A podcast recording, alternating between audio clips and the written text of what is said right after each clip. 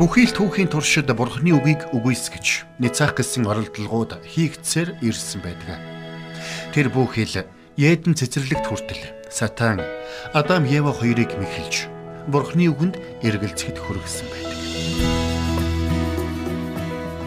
Тэгвэл тэр цагаас хойш олон мянган жил өнгөрсөн ч Бурхны үгийг үгүйсгэж Ницах гэсэн оролдлого одоо ч хийгдсээр байгааг доктор Стенли бидэнд сануулж байна. Хэрвээ хүмүүсийг бичвэрийн эрх мэдэлд эргэлзүүлэх юм бол тэднийг уруу татан бүдрүүлэхэд амархан байх болно гэдгийг сатан маш сайн мэддэг. Гэхдээ хэрвээ бид Библийг бидний амьдралд өгсөн Бурхны гайхамшигтай зааварчилгаа гэдгийг ойлгох юм бол сатаны хуурам мэхлэлтэд автахгүй байж чадна. Ингээд хамтдаа амьд Бурхны үг болсон Библийн талаар доктор Стенли юу гэж өгүүлэхийг чих тавин сонсцгоё.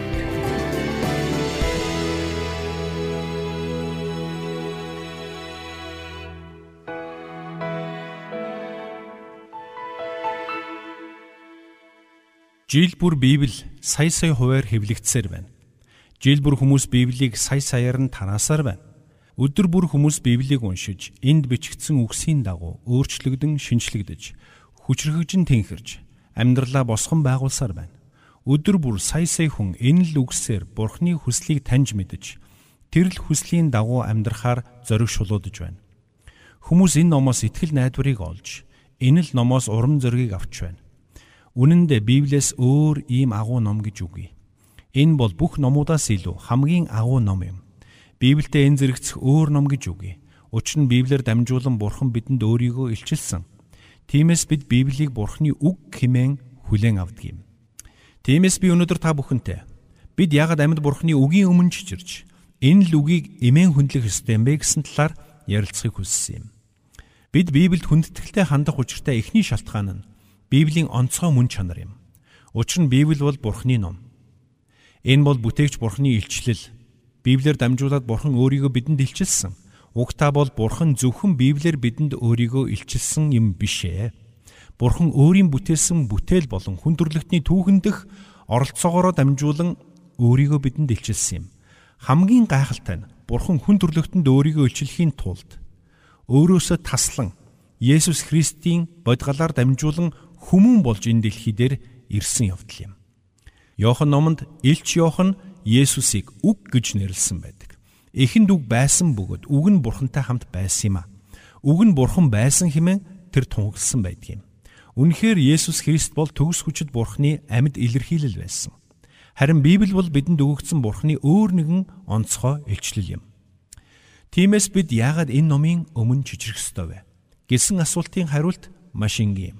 Яг гэвэл энэ бол мөнхийн бурхны оюун санаа. Зүрх сэтгэлийн илэрхийллийг бич тэмдэглэсэн бичвэр буюу онцгой илчлэл юм. Энэ бол мөнхийн бурхан орчлон ертөнцийг бүтээсэн төдийгүй Есүс Христийн бодгол дотор хүм болж ирсэн тухай илчилсэн гайхамшигтай илчлэл юм. Цааш нь үргэлжлүүлээд бид энэ үгийг эмээн хүндлэж энэ үгийн өмнө чичрэг хүчтэй хоёр дахь шалтгааныг хэлье. Энэ бол Библийн бичигдсэн онцгой бүтэц юм. 66 ном байдаг. Тиймээс бид нэг талаасаа 66 өөр номын тухай ярьж байна гэсэн үг. Хуучин гэрэн дэх 39 ном. Шинэ гэрэн дэх 27 ном. Тэгэхээр бид Библи гэж ярихдаа 1500 жилийн туршид 40 гаруй өөр хүнээр бичигдсэн 66 өөр номын тухай ярьж байна гэсэн үг юм. Гэсэн ч энд бичигдсэн үгс өөр хоорондоо огтхонч зөрчилддөггүй. Тэр бүхэл Библиэд бичигдсэн иш үзүүлгүүд бүгд нэг бүрчлэн биелээ олсон юм. Хуучин гэрээнд бичигдсэн, шин гэрээнд бичигдсэн ялгаагүй бүх иш үзүүлэг биелээ олсон. Хэрвээ намайг Библиэс өөр ямар ч номгүйгээр шоронд хаяад бүх хэвлэл мэдээлэлээс намайг тасалсан ч нийгэмдэр юу болж байгааг би харсан юм шиг л хэлж чадна гэж нэгэн ухаантай хүн хэлсэн байдаг. Учир нь Библийн үнэн бүхий л цаг үед яг л хിവэрэ байдаг юм. Библи бичигдсэн практик ойлголтууд хизээд үнэн хിവэрэ байдаг. Учир нь хүний мөн чанар огт өөрчлөгдөөгүй. Цаг хугацаа өнгөрч, цаг үе өөрчлөгдсөн ч хүний мөн чанар өөрчлөгдөөгүй. Тиймээс ч хүмүүс өмнө хийж байсан бүхнээ хийсээр л байдаг. Учир нь бидний мөн чанар өөрөө гим нүгэлд унчихсан. Тиймээс бидний үндсэн хэрэгцээ бүхий л цаг үед хизээд адилхан байдаг юм. Хүн төрлөختөнд тулгарсан асуудлууд бүхий л цаг үед яг л адилхан байсаар ирсэн. Тэгвэл тэр бүхний хариултыг бид хаанаас олох вэ? Бид амьд бурхны үг болох Библиэс олж чадна. Тиймээс ч Библи нь хэдийгээр маш эртний ном боловч өнөөгийн нөхцөл байдалтай хамгийн ойр холбогдсон ном юм. Яагаад гэвэл Библи бидэнд өчигдөр юу болсныг хэлээд зогсохгүй. Өнөөдөр юу болж байгааг ойлгоход бидэнд туслаж, мөн маргааш юу болохыг ч бидэнд ухааруулж илчлэн хэлж чаддаг юм. Учир нь энэ үгийг бичсэн Бурхан өөрөө хизээж алдаа гаргадаггүй. Тэр бидэнд бүхнийг Библиэр дамжуулан илчилж өгсөн юм.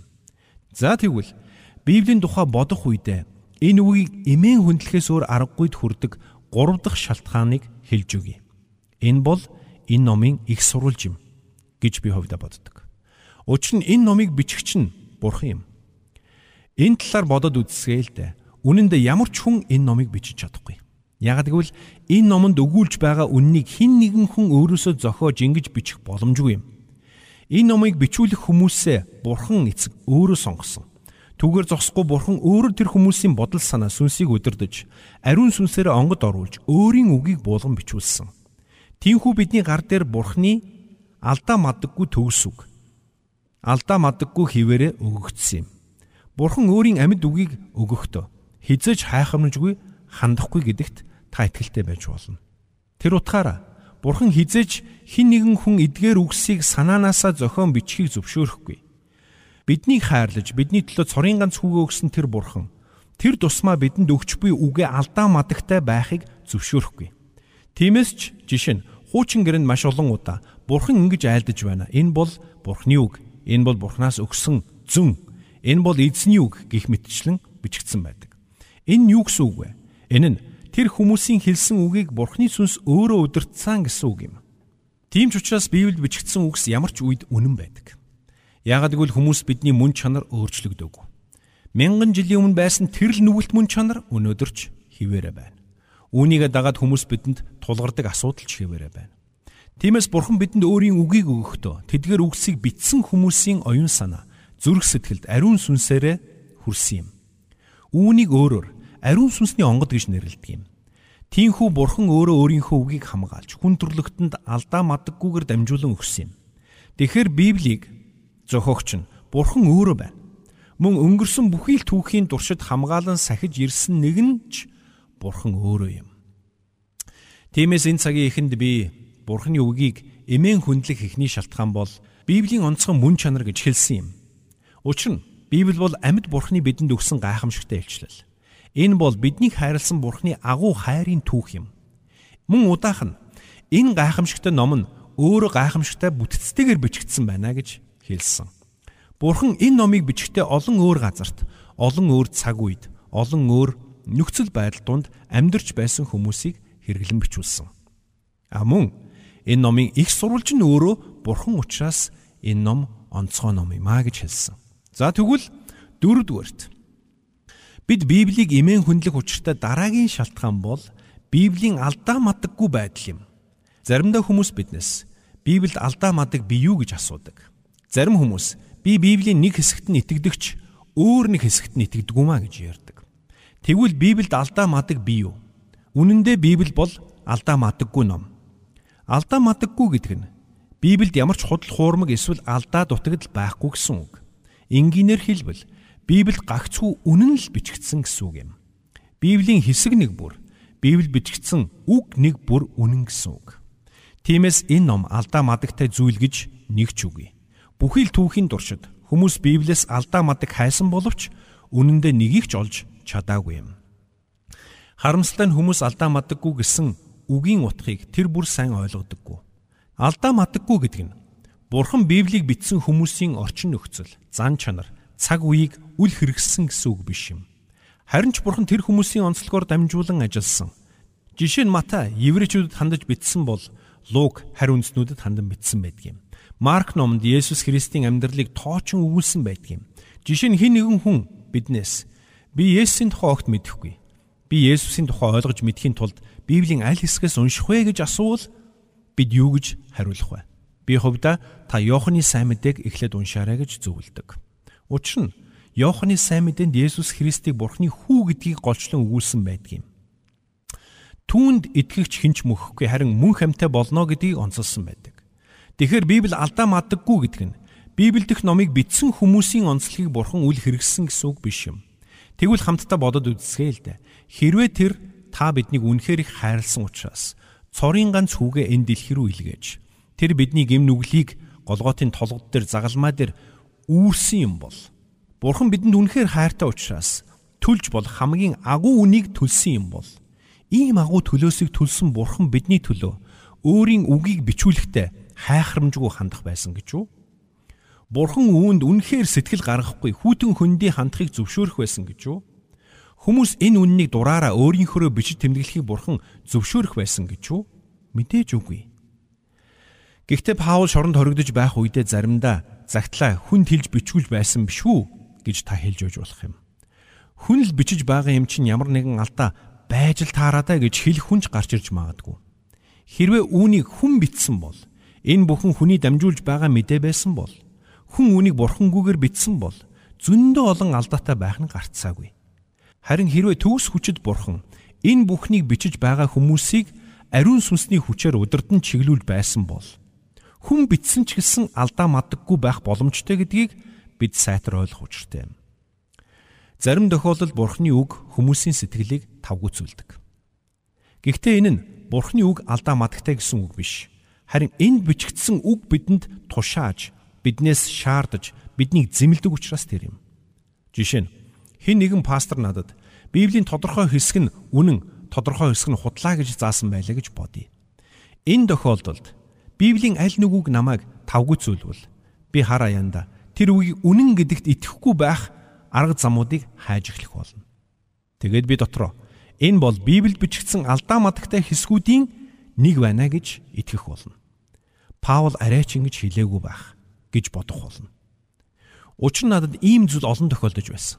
Би зарим нэг хүмүүстэй уулзаж тэдэнд Библийн үгийг сануулгах үед тэд тэр үгийг маш дурамчхан хүлээж авдаг. Би Библийн аль нэг ишлэлийг гаргаад тэдэнд үүнийг чангаар уншдаа гэд өгөх үед тэд чангаар уншихаас цааргалдаг. Учир нь тэд энд бичигдсэн үгийг байгаагаар нь хүлээж авахаас цааргалдаг юм. Мэдээж Библиэд бичигдсэн үгсийг худлаа гэж үзээд итгэхгүй байх нь таны сонголт. Гэхдээ Бурхны үнэн үгийг гартаа барьсаар байж үүнийг худал гэж үзээд хоош тавих шиг эмгэнэлтэй сонголт гэж байхгүй.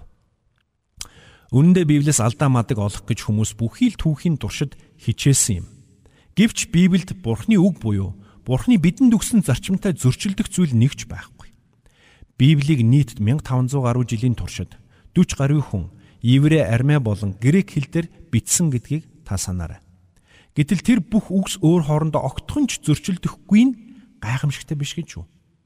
Тиймээс бид Библийг байдаг л нэг хуучны ном гэж хүлээж авах ёсгүй юм. Гэвч харамсалтай нь чуулганы өмнө номлол хийхээр гарч зогсоод Библийн зарим хэсэг нь үнэн, зарим хэсэг нь худлаа гэж ярьж байгаа номлогчд цөөнгүй байна. Энэ бол аимшигтай алдаа юм. Хамгийн ноцтой нь тэд Библийг үүсгэх гэж оролдож байгаагаа ямар нэгэн шин эсвэл ямар нэгэн ухаантай зүйл ярьж байгаа мэтэр харуулах гэж оролддог. Гэвч үнэндээ үүнд шин зүйл огт байхгүй. Ийм хүмүүс жинхэнэ Есүсийг олж илрүүлэх гэж оролдож байгаа хэлдэг. Гэвч үнэндээ Есүс гэж хэн болохыг Библи аль хэдийн хэлээд өгчихсөн шүү дээ. Тэд зүгээр л уг нь Матай, Марк, Лук, Иоханыг уншихад л уг нь хангалттай юм. Гэвч тэд Есүсийг Библиэд бичигдснээс нь өөрөөр харуулах гэж үхэн хатан зүтгэдэг. Тэд түүх соёлыг судлаж ямар нэгэн шин зүйл гаргаж ирэх гэж Библиэс ямар нэгэн алдаа мадаг олох гэж улаардаг. Гэвч тэд Библиэс алдаа мадаг олж чадахгүй. Учир нь Библийг зохиогч нь Бурхан өөрөө юм. Харин Бурхан хизээж алдаа гаргадаггүй. Тиймээс тэр хүмүүс элдв зүйл ирж хайхын оронд Бурханы үгэнд итгэж эхлэх нь тэдэнд үлзийтэй юм. Хэрвээ тэд Бурханд буун өгч Бурханы үгэнд итгэх юм бол Бурхан Библийг хэрхэн бичүүлж хэрхэн бүхий л түүхийн туршид хамгаалan сахиж ирснийг ойлгох болно.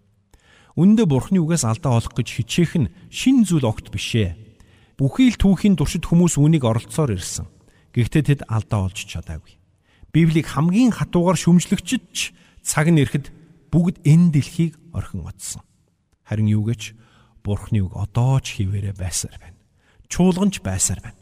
Бурхны хүмүүс ч байсаар байна. Бурхны үгээр хүмүүс одоо ч үе олноороо аврагдсаар байна. Бурхны үг ялгуулсан хിവэрэ байна. Би Бурхны үгийн тухай энэхүү цуврал хичээлээ заахаар бэлтгэж байх үедээ нэгэн сонсогчоос дараах загтлыг хүлээж авсан юм. Тэр эмэгтэй бидэнд хандан ийхүү битсэн байсан. Би та бүхэнд уншиж өгье. Энэхүү загтал маань танд хүрнэ гэдэгт би найдаж байна. Би арадгоор таны нэвтрүүлгийг сонсоод мөн таны бичсэн номуудыг уншаад маш их зүйлийг сурж авсан. Тиймээс хэдийгээр бид хизээч уулзаж байгаагүй ч би таныг өөрийнхөө сүнслэг ментор гэж боддог. Тэмч учраас би өөрт тулгарсан нэг асуудлыг тантай хуваалцах нь зүйтэй гэж бодлоо. Би гэрийнхээ ойролцоо байдаг нэгэн евангелийн чуулганд хамрагддаг юм. Гэтэл шинээр ирсэн пастор маань өнгөрсөн ямгарагт Библийг хүний гараар бичигдсэн учраас төгс биш гэж заахыг сонслоо. Ингэхдээ тэр анхны үеийн итгэгчид сайн мэдээг амнаас ам дамжуулан тарааж байсан бөгөөд хожим нь сайн мэдээний номнууд бичигдсэн хойно боловсрал муутай хүмүүс хуулж бичиж байсан учраас алдаатай бичигдсэн. Тэгээд ч сайн мэдээний номнууд бичгчийнх нь өнгө аяс нэвт шингэсэн байдаг нь үүнийг алдаатай гэдгийг нотолдог гэж зааж байсан гэж бичсэн байна. Тэгээд тэр эмэгтэй үргэлжлүүлээд ингэж бичсэн юм. Би өөрөө Библийг өдөр бүр уншдаг. Библийг уншиж эхлээд олон жил болж байна. Би Библиэд бичигдсэн үгийг тунгаан бодож бясалгахад баггүй цагийг зарцуулдаг. Гэтэл надад нэг асуудал тулгарлаа. Хэрвээ Библи төгс биш юм бол хэрвээ Библи Бурхны үг биш юм бол хэрвээ Библи нь зүгээр л Бурхныг ойлгох гэж оролцсон хүмүүсийн алдаа мадагтай орлого төдий ном юм бол би яаж энэ үгийн дагуу амьдрах болж байна. Алдаа мадагтай гэдгийг нь мэдсээр байж энэ үгийг ингэтлээ хичээж уншиж судлах хэрэг байгаа мó? Хэрвээ Библи бичигдсэн зарим зүйлс нь үнэн, зарим зүйлс нь худлаа юм бол яг аль нь үнэн, яг аль нь худлаа болохыг би яаж мэдэх вэ? Би Бурхны үгийг судлаж энэ үгийн дагуу амьдрахыг маш их хүсдэг юм. Учир нь энэ бол Бурхан эзнээ таньж мэдэх гайхамшигтай арга зам. Гэтэл өнгөрсөн ям гарагийн номлоос хойш би эргэлзэх боллоо. Библи үнэхээр Бурхны алдаа мадаггүй үнэн үг мөн гэдэгт би итгэхийг маш их хүсэж байна. Энэ хитрхи гинэн тэнэг хэрэг гэж юу хэмээн тэр эмэгтэй бичсэн юм. Энэ эмэгтэйд би хэлмээр байна. Үнэн дээр та гинэн тэнэг биш Харин тэр үгийг номлосон пастор л гинэн тэнэг байна. Энд би өөрийнхөө үзэл бодлыг танд хэлмээр байна. Ингэхдээ би ууртаагаар биш харин эрх мэдэлтэйгээр хэлмээр байна. Мэдээж миний одоо хэлэх үг зарим нэг хүнд таалагдахгүй байж мэднэ. Гэхдээ би шударгаар хэлмээр байна.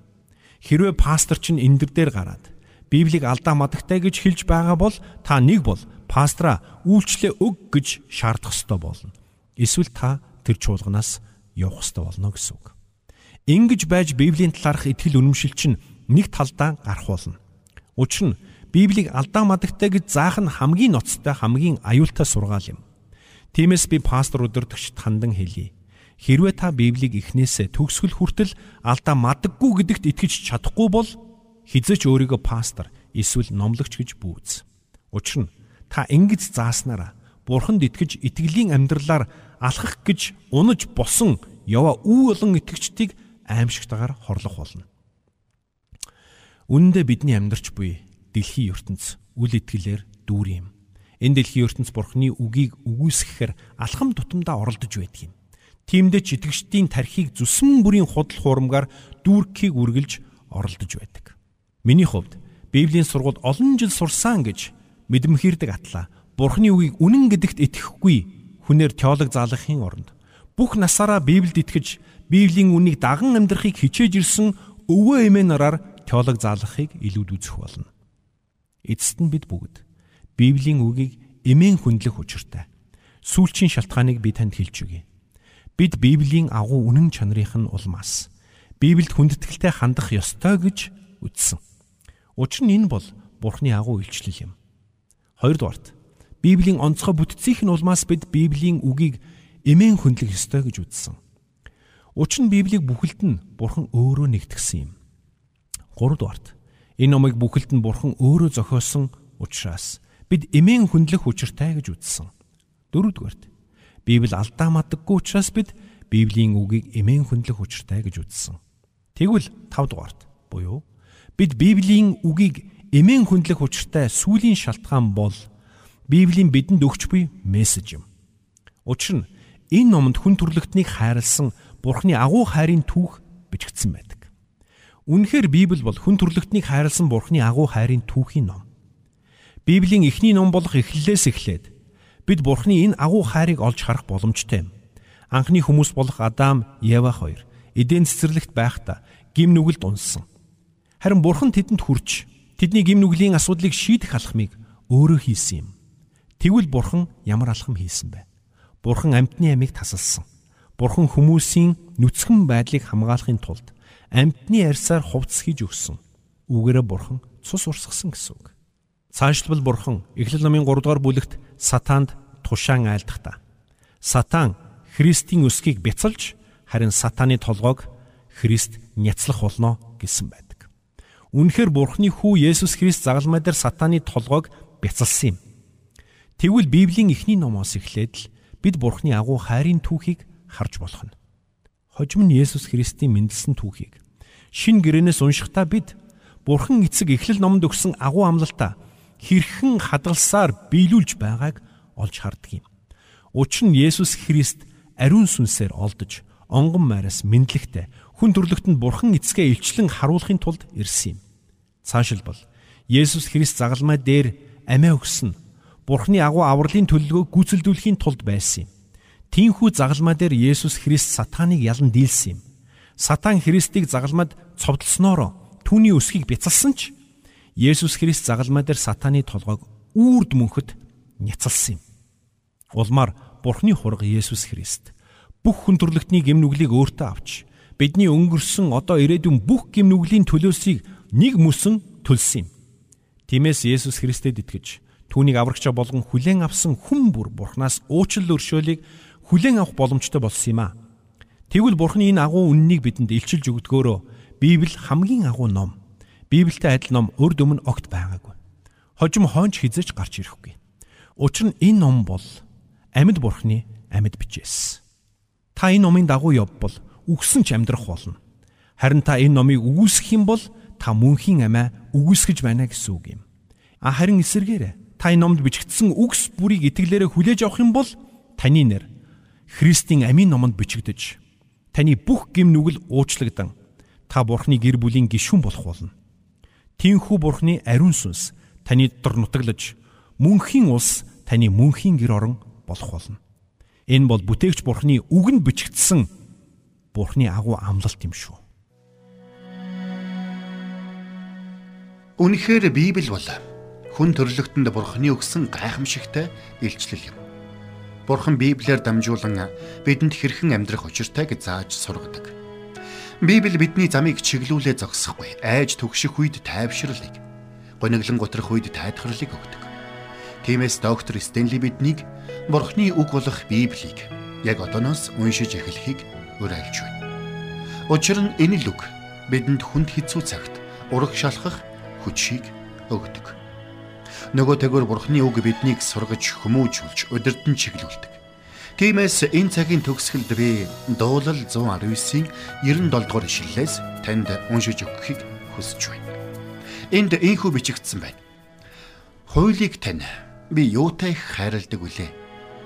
Тэр нь бүхий л өдөржингөө миний бясалгал байдаг. Тушаалууд тань намайг дайснуудаас минь илүү мэрэгэн болгодог. Тэр нь үргэлж надтай хамт байдаг гэрчлэлүүд тань миний бясалгал учир. Багш нараас илүү ухаалаг болов би. Тушаалуудыг тань сахин биелүүлсэн учраас настангуудаас ч илүү ойлгон ухаарав би. Үгийг тань сахин биелүүлэхийн тулд бүх буруу муу замаас би хөлөө татсан. Та өөрөө надад заасан учраас таны тогтоолуудаас би гажаагүй. Таны үг амтлахад минь ямар ч ихэрлэггүй. Миний аманд зөвгийн балаас ч илүү чихэрлэг. Амен.